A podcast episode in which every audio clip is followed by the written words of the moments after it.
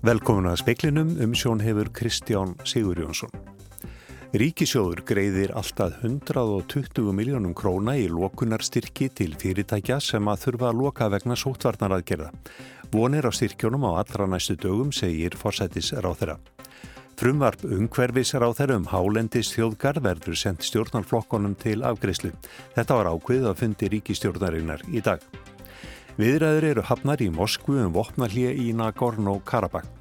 Asirar gefa armenum eitt tækifæri til viðbótar til að leysa deilurnar friðsamlega. Sandgýrni spætur verða greittar til barna með föllun sem dvöldu á litlum vistheimilum og voru beitt misrétti. Ríkistjórnarfrum vart þess efnis verður lagt fyrir alþingi síðar í mánuðinu. Búist er við hörðum COVID-19 vetri í Breitlandi sem eigur að öllum líkindum bílið mitt í landsluta, einmitt bílið sem ríkistjórnin ætlaði að vinna á. Og í speklinum segjum við frá fríðarvelunum Nobels sem tilkynnt voru í dag og John Lennon sem hefði voruð áttræður í dag hefðan lífað. Fyrirtæki sem þurfa að skella í lás vegna sóttvarna aðgerða geta sótt um alltaf 120 miljónar krónar lókunastyrki úr ríkisjóði. Katrín Jakobsdóttir, fórsættisráþra, segir að von sé á styrkjónum á allra næstu dögum. Þetta er aðgerði til þess að koma til móts við líkansrættastöðvar, bari og krár og aðra þá sem gert hefur verið að loka, sem leðis hafgræslu stofur. Upphæði lókunarstyrks til hvers atvinnureikanda er miðu við fjölda starfsfólks. Hvert fyrirtæki getur fengið alltaf 600.000 krónur fyrir hvern starfsmann vegna lókunar í eitt mánuð. Hámarks upphæð til hvers fyrirtækis verður 120 miljónir króna en í vor þegar lókunarstyrkir voru veittir vegna fyrstu bylgu faraldursins var hámarks upphæðin aðeins 3,6 miljónir. Þá voru lókunarstyrkir gaggrindir fyrir að koma litlu gagni fyrir stærri fyrirtæki og fórsættisráð þeirra segir að nú verði bætt úr því. Það sem aðgerðanir í voru voru gaggrinda fyrir var að það er miðust við of fáa starfsmenn þannig að við munum hækka þessi viðmið uh, verulega. Bjarni Benediktsson fjármálaráð þeirra segir að nú sé til skoðunar útfærsla á aðgerðum sem ríkistjórnin hefur þegar bóðað sem snúað beinum stuðningi til fyrirtækja sem ekki hafa þurft að hætta starfsemi en hafa orðið fyrir tekjurhunni. Sko við höfum fram til þessa fyrst og fremst dreyið línuna við fyrirtæki sem að gert er að loka starfsemi sinni.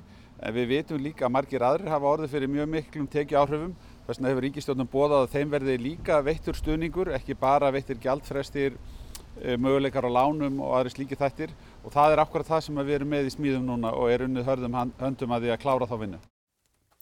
Þetta var Bjarni Benediktsson og áður heyrðist í Katrínu Jakobsdóttur. Hildur Margret Jóhannsdóttir tók saman. Ríkistjórnin ákvað á fundi sínum í morgun að senda frumverk Guðmundar Inga Guðbrandssonar um hverfis og auðlindar á þeirra um hálendis þjóðgarð og stopnuð þjóðgarstofnunar og þingsáletinu til um þriðja áfangaram áallunar til stjórnarflokkana til afgriðslu.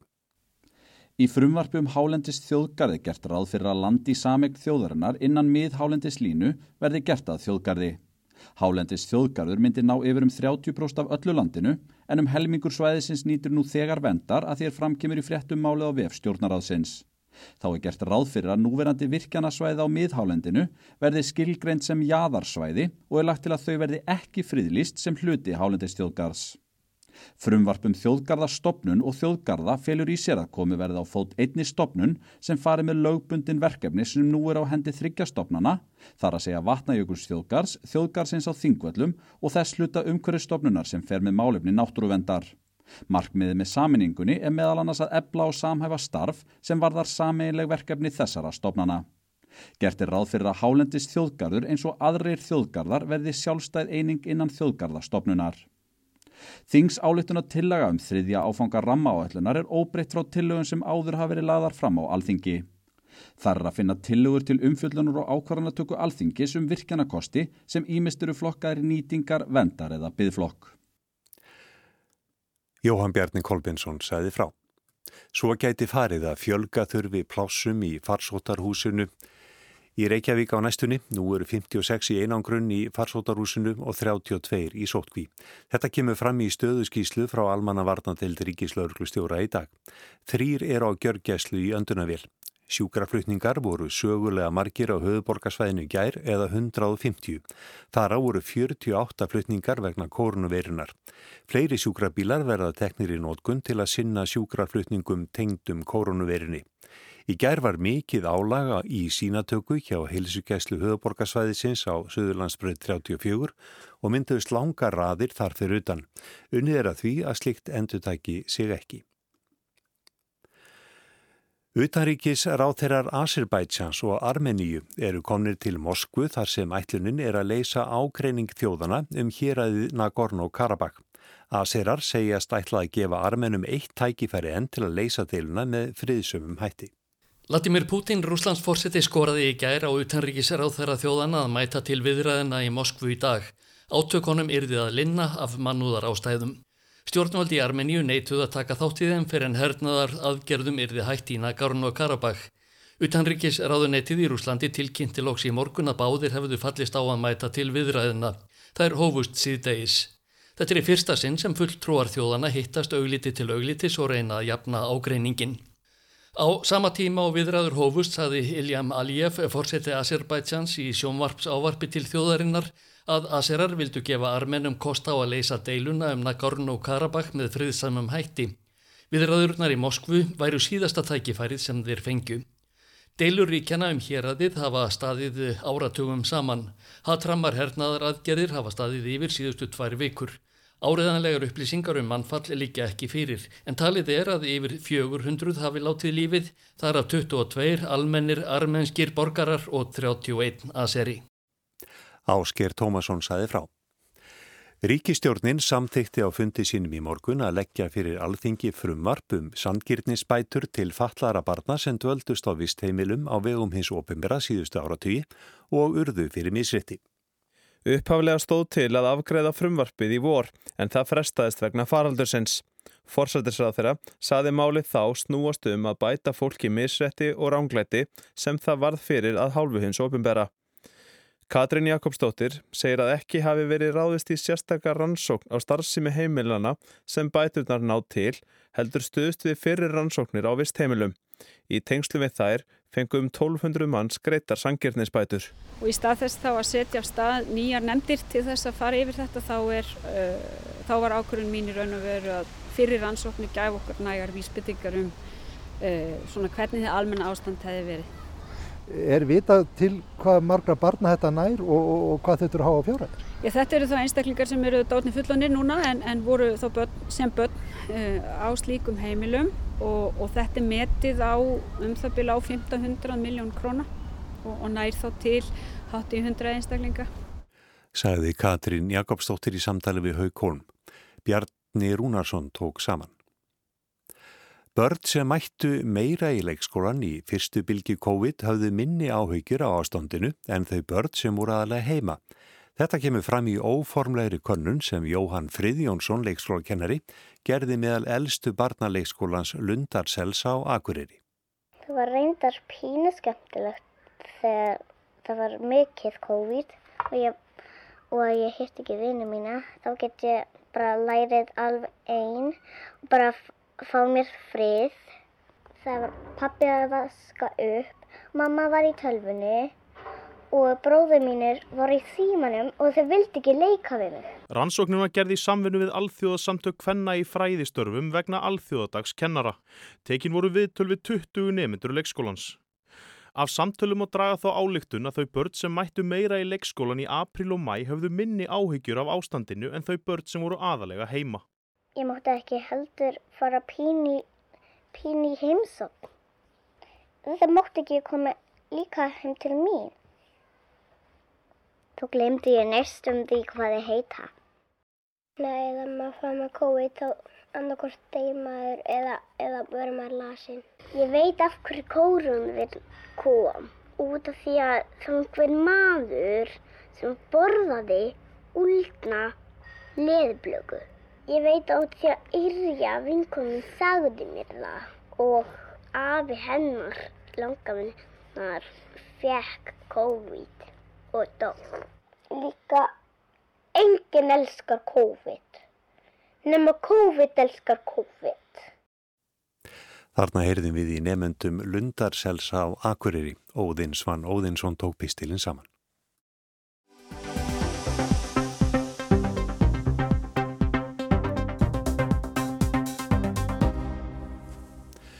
Matvælastofnun saminuð þjóðana fær fríðarvelun Nobels í ár.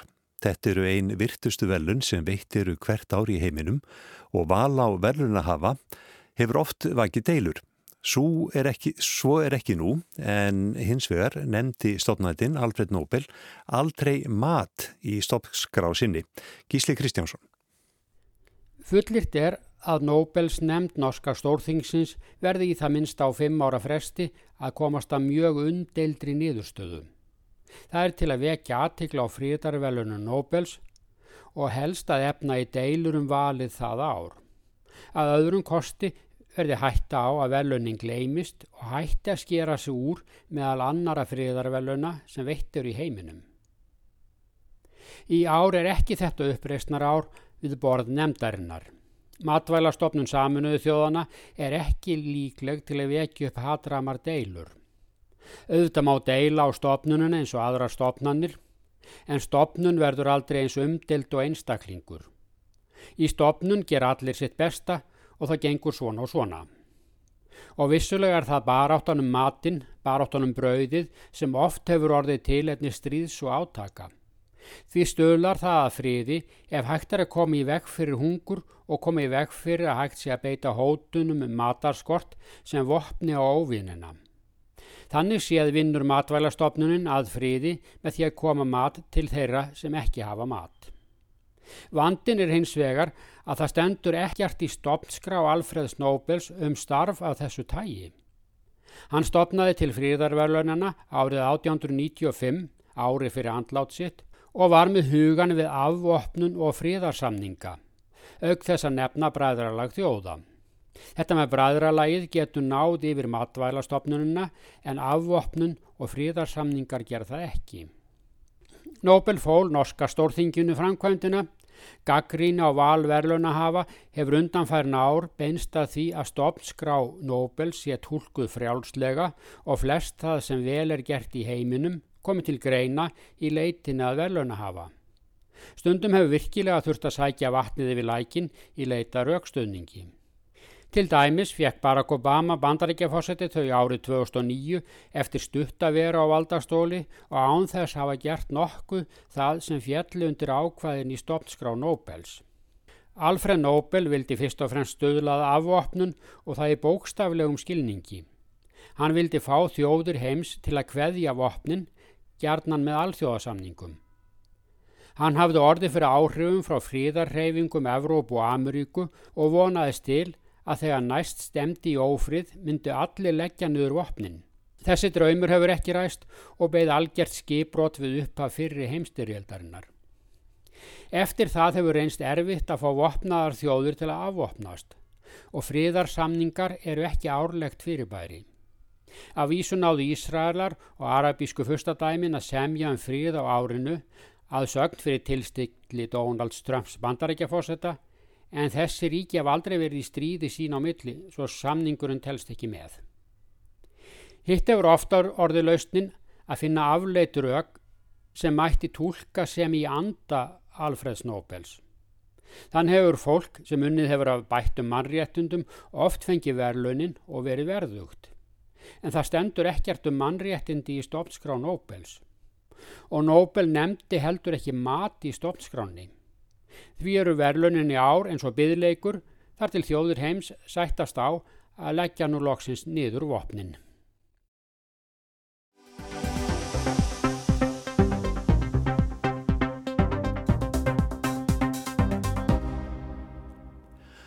Skólabörn á Íslandi hafa ekki farið varhluta af áhrifum COVID-19 farsóttarinnar frekar en aðrir. Síðustu daga hefur hún gert enn óþyrmilega vart við sig. Hundru nefnda hafa þurft að fara í sínatökur og sótkví og skólastarfið allt úr skorðum. Hrefna Sigur Jónsdóttir, frangvandastjóri heimilis og skóla, segir margt leggjast á börn og foreldra þessa dagana samt sé ekki útilokað að eitthvað jákvægt komi út úr þessari þólrun. Foreldra hafa áhyggjur af auðvitað skólanir loki, börnið þurfa að vera heim og get ekki haldið sinni rútínu og stundan ám svona eins og best væri. Síðan hafa fóröldra áhyggjur auðvitað af þessum sjúkdómi sem geysar og hafa áhyggjur af að hann geti mögulega smittast yfir til barnana eða yfir á heimilinn því aðstæður á heimilum eru auðvitað mjög misjafnar og uh, getur verið fólki áhættu hópi inn á heimilum og skólanir eru auðvitað, þar koma margir saman frá ýmsu stöðum og kennarar auðvitað hafa áhyggjur líka. Skólastarsfólk, kennarar, skólastjórnundur hafa sítt alveg ótrúlega elju í þessu öllu saman. Og að skipulegja starfið aftur og aftur út frá þessum nýju aðstæðum. Hafa líka þá passaði mitt að reyna að gæta svona upp á sóttvarnarhól og þetta. En það er áhyggjur, jú. Það er því staðins af því í vor að eh, fólkdrar heldur börnum sínum heima, maður verður heyra minnskusti minna eftir núna þegar minnum. Já, ég hugsa þessi minnum það að því að þegar þetta gerðist fyrst þá var þetta allt svo mikil óvisa og allt svo nýtt fyrir fólki og fólk kannski hrættara. Núna svona í annað sinn að þá eru að fara í gegnum þetta aftur og það er búið að svona hvað maður að segja, vera með pröfurensli. Þannig fólk er kannski aðeins rólera þó að séu þetta alltaf svona baku eira þessi, þessar áhyggjur auðvitað því þetta er allt svo óvist. En ég held að séu færri bönn heima líka því það er áhersla á að það sé skólaskylda og það hefur verið gefið mjög skýrt út hversu mikilvægt það er að bönn mæti skólanum. Þetta hafa margir talað um það líka að þetta hefur gefið kost á nýri nálgun og aukinni nótkunn á fjarkenslu og öðru slíku. Vinda svolítið upp á kenslu hættina en, en það er nú samt þannig að kringustæði fólks til þess að og barna eru mjög mismunandi. Me, með fjarnámi til dæmis komið ljós þegar mentavísitarsvið var að kynna um daginn rannsóknir sem voru gerðar ástandinu. Það var alveg, ég held um eitt fjóruði grunnskólakennar sem hafði áhyggjur af tækjakosti nefnda og uh, mismunandi nettengingu og, og svo framvegis. Leitar fólk til ykkar núna með bara svona vangaveltur í sambandi við ástand? Já, það hefur gert það. Það svona er að velta fyrir sér hvað má og má ekki. Það er líka bara með fóreldrarstarf. Fóreldrafélug hafa mikið leita til okkar til að velta fyrir sér svona hvernig þau geti synt því.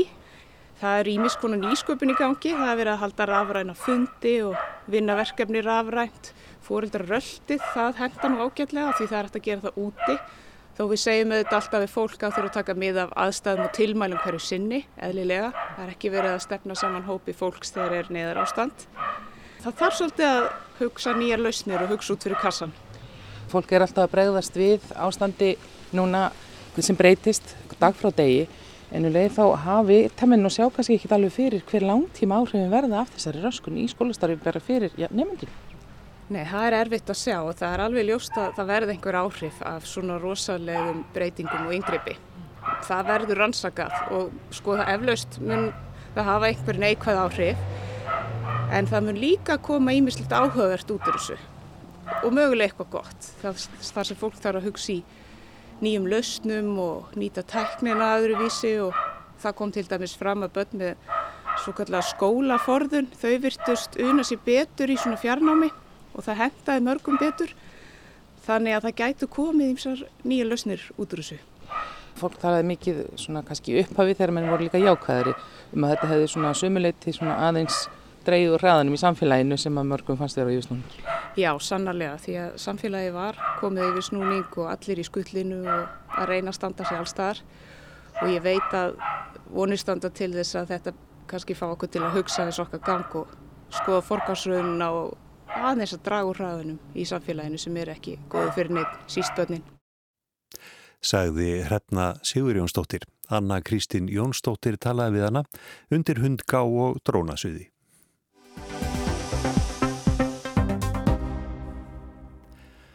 Það er erfitt fyrir ríkistjóðnir líkt og aðra að skipilegja nokkur skapaðan hlut á COVID-19 tímum. Í Breitlandi hefur þetta verið ljóst frá því byrjun mars þegar fjármálar á þeirra tilkynntu um veiru aðgerðir upp á 350 miljardar stellingspunta, sex dögum eftir að hann ætlaði 12 miljardar í aðgerðirnar. Nú kalla ólíkar aðstæður í einstökum landslutum á ólíkar efnaðsaðgerðir. En veirufaraldurinn afhjúpar einnig enn frekar tekju og aðstöðumun í norður og söðurluta Breitlands sem núverandi stjórn hafði sett sér að minka. Eitt fyrirferðarmesta kostingaloford Boris Johnsons fórsætsræðra breyta í desember var að jafna aðstöðumun millir hins velstæða Suður Englands og mun verðstæða Norður Englands. Um leiðu úrslitin lágu fyrir, saði Johnson, að ef einhver spyrðan hvað hann ætlaði að gera með þennan stórkostlega meiri hluta sem kostingarna færðunum, þá væri svarið að hann ætlaði að samina og jafna Það er samina landið eftir Brexit-klopningin og jafna aðstöðu og tekjumun. Is he going to do with his extraordinary majority? I will tell you that is what we are going to do. We are going to unite and level up. Í rannsók sem hugveitan Resolution Foundation gerði fyrir kostningatar í desember var fjallað um þennan mun millir landsluta. Framleiðni er sá þáttur sem ræður einna mestu um afkomu fólks. Rannsóknin síndi að munurinn á söðri og norðri hér í landi hefur vaksið jamt og þjætt síðan 2001. Ekki að því Norðurlandið sé ekki eins afkasta mikið, heldur að því háframleiðni greinar eins og tæknigreinar og fjármálastarðsemi eru bísna samþjappaðar í Suður-Englandi. Reyndar skipta landslutar ekki öllu máli varðandi afkomu heldur dreifbíli búið sama við þjættbíli og kannski er munurinn mestur millir höfuborgarnar og annara landsluta. Sámunur hefur hins vegar farið minkandi ekki síst að því lögbundin lágmarkslaun hafa haft áhrif til jöfnuðar. En aftur að pólitískri viðleitni stjórnarinnar til að jafna afkomu aðstöðu landsluta. Þetta átt að gera með markvisri fjárfestingu Norðalands í innviðum og mentun. Vandi þessara stjórnar er að það er erfitt að lofa á þess að rifjast upp að íharsflokkurinn hefur verið við stjórn í tíu ár svo breytingar í verri áttina hafa gerst á vakt flokksins. Annar vandi við lofórðum að jafna aðstöðumun er að allar aðgerðir í þá veruna eru seinvirkar. Hættan er alltaf svo að stjórnmálamenn velji aðgerðir sem skili fljótt einhverju sjáanlegu en sleppi því sem raunverulega skiptir máli þegar til lengtar lætur. Það var ekki farið að reyna mikið á þessa jöfnunar viðleitni stjórnarinnar þegar veirufaraldurinn skalla Breitlandi. Nú er allt sem bendir til að veirufaraldurinn afhjúpi en frekar aðstöðumun landsluta. Veiran hefur byttið sig engar fast í Norðurlandið og farið svo sem horfir að faraldurinn muni enn auka munin sem átt að minka verða markmið stjórnarinnar enn fjarlægari en áður. Fyrst virtist veirufaraldurinn alltaf leika London verst en lokun á landsvísu í marslokk dögði vel. Fyrir norðan fækkaði tilfællum líka en veiran var þó viðlóðandi. Nú snar fjölgar tilfellum fyrir norðan, þeim fjölgar líka hratt í höfuborginni en úr miklu læri tölum. Á höfuborgarsvæðinu eru víðast í kringum 60-80 tilfelli daglega á hverja 100.000 íbúa en frá 400 upp í vel yfir 600 tilfelli á hverja 100.000 íbúa fyrir norðan. Þessi landslutamunur leiti strax í sumar til staðbundina veiruaðgerða. Rísi Súnag fjármálaráð þeirra hefur marg endur tekið að það verði ekki hægt að bjarga öllum störfum. Bóðskapurinn greinilega undanfarið þess að þátt að skrúfa niður í efnahags aðstóð við fyrirtæki þegar yfirstandandi aðgerðum líkur í loku oktober. Í dag var ljóst að enn breytast áallanir. Enn er það veirufaraldurinn sem dregur stjórnina í aðra átt en hún hafði ætlað sér og aftur ekki síst vegna þess að munar á landslutum Súnak tilkynnti áframhaldandi stuðning, engum og sérlægi fyrir fyrirtæki á stöðum sem sæta sérstökum samkomiðhamlum. So to protect jobs, I'm announcing today that I'm expanding the job support scheme. Where the coronavirus restrictions legally require business premises to close in any region or nation of the UK, we will help pay employees wages. Og það eru orðin mörg svæði sem falla undir þessa skilgreiningu Hátt í þriðjungur landsmanna sætur nú hömlum sem eru meira íþingjandi en almennar hömlur. Það er en almennu stuðningur við slíkar hömlur en þó orðin merkjanlegur urgur í stjórnmálamönnum og atvinnureikandum fyrir norðan. Ofan á mismunum sem fyrir er finnst nú mörgum norðanmönnum að þeir beri þingri veirubyrðar en aðri landsmenn, ekki að allt landið sé á sama báti. Sigrún Davísdóttir saði frá.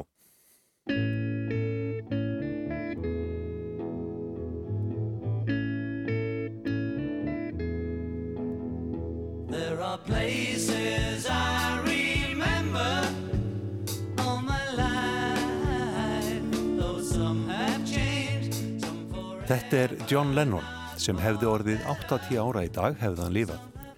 Hann var myrtur aðeins tæpum tveimur mánuðum eftir færtusamælið árið 1980 en áhrif hans og andi lifa góðu lífi. Lög hans og þau sem hann sandi með félaga sínum í bílónum, Paul McCartney, eru samofinn kynnslóðinni sem ólst upp með þeim og setni kynnslóðum líka. Gunnar Salvarsson fjallaði um bílana og áhrif þeirra í tíu tveggja klukkustundalöngum þáttum á rás 1 í sumar. Gunnar var tíu ára þegar bílatin slói í gegn árið 1963. Já, John Lennon uh, var náttúrulega einn af þessum uh, góðum líku hljómlistamönnum sem kom inn í líf okkar uh, og hann var svona ábrandi auðvitað leiðtógi bílana. Við getum alveg sagt að það fór ekki millir mála. Hann kom svona oftast fram fyrir þeirra hönd, hann við svona oftast orðið var nittinn og beittur og herskár. Þó svo að hinnir hafði að sjálfsögðu lagt líka sér til málana. En Lennon var eh, baráttumadurinn. Hann var madurinn sem hafði hugssjóniðar. Í byrjun þá leit maður mjög stort upp til Lennons hins vegar eh, þegar á leið og maður laði svo svona fram með það að kynast personinni á bakvið mannin þá kom maður auðvitað raun og það að þetta var mjög brotin maður og veikfemur og hann hafði átt ömulega esku og hún litar ömulega allan hans ferill. Eh, hann átti erfiðleikum með skapið og, og hann átti auðveld með að missa sig yfir í þessu svo kallu hugvíkandi efni og og eðilegja sjálf á sig að einhver leiti á þeim. En um, hann reys alltaf upp og, og barðist sérstaklega auðvitað fyrir friði og, og ást og kærleika og það er nú kannski það sem upp úr stendur, það sem við höfum lært af honum er það að uh, ástinn og kærleikurinn segir að allt. Var hann uh, tónlistar maður að upplegi? Nei, nei. Þeir höfðu allir auðvitað mikið áhuga á tónlist en, en þeir hafðast upp í við þar aðstæður að það er ekki verið að halda þeim hljóðfærum nema, nema í tilveki Póls. Lennon kemur inn í þennan rock tíma og hrýfst af gamla, gamla Presley-rockinu og, og, og hrýfst af Chuck Berry og, og Little Richard og þessum, þessum rockhundum. Og hann var listelskur, hann er, hann gengur náttúrulega í listaskóla og hann er búin að stopna hljónfætt skömm eftir, eftir fermingu og hefur bara leið, leiðtóið þeirra hljómsveitar og hverjumenn og það er hann sem að býður bæði Pól og síðan George og síðan ringur ömulega í hljómsveitina sína. Þannig að þannig eins og hann sagði þegar bílandi hættu ég stopnaði hljómsveitina og ég sleitinni En hver er arleið John Lennons? Það er, eins og ég nefndi á þann, það er fyrst og fremst þessi hugsun um að, að það er friðurinn kærleikurinn og ástin sem að, sem að gilda í lífinu. Þráttur er hans breyksleika? Já, já.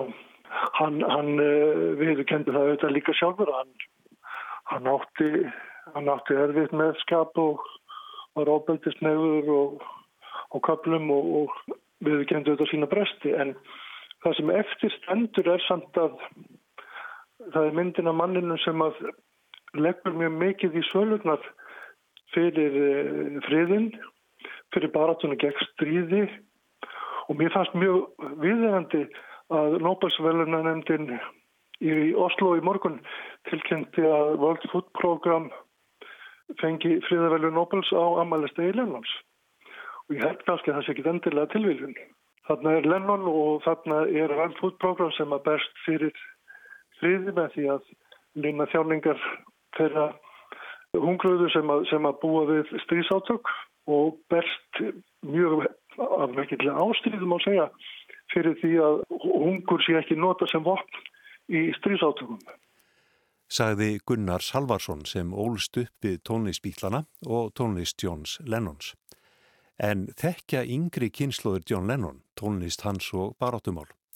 Jóhanna Guðrún Jónsdóttir sönguna fættist hálfri öld á eftir Jón Lennon og tíu árum eftir döðans. Já og nei, auðvitað náttúrulega er hann, hann er svo fræ persóna og tónlistamæður í söguna að það er mjög erfitt að hann fari fram hjá manni. Hins vegar hef ég ekki grafið mig ofan í hvorki tónlistana nýja söguna. En þú er hirt löginans? Já, auðvitað. Og hvernig finnst þér þau? Þau eru náttúrulega bara ótrúlega falleg og, og, og það sem að mér finnst kannski fallega stöðu er að þau eru ótrúlega einföld og einlæg en samt svo áhrifarík. Hefði hann náðu langt í dag? Já, það held ég. Þetta er, þetta er algjör svona, þetta er alveg algjörlega tímalauðs lög og textil. Þannig að ég myndi alveg segja það, já. Hefur hann haft áhrif á, á þína kynslu, þína jafnaldra?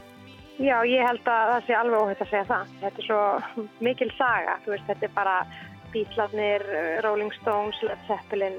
Þessar hljómsveitir held ég að hafi áhrif á flesta kynsluður.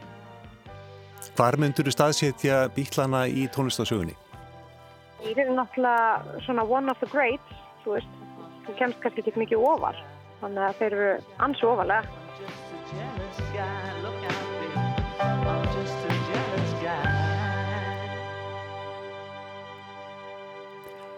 Þetta heyrðum við í John Lennon, Jóhannu Guðrúnu Jónsdóttur og Gunnari Salvarsinni. Fleiri ekki í speiklinum í kvöld, tæknumar í útsendingu var Ragnar Gunnarsson.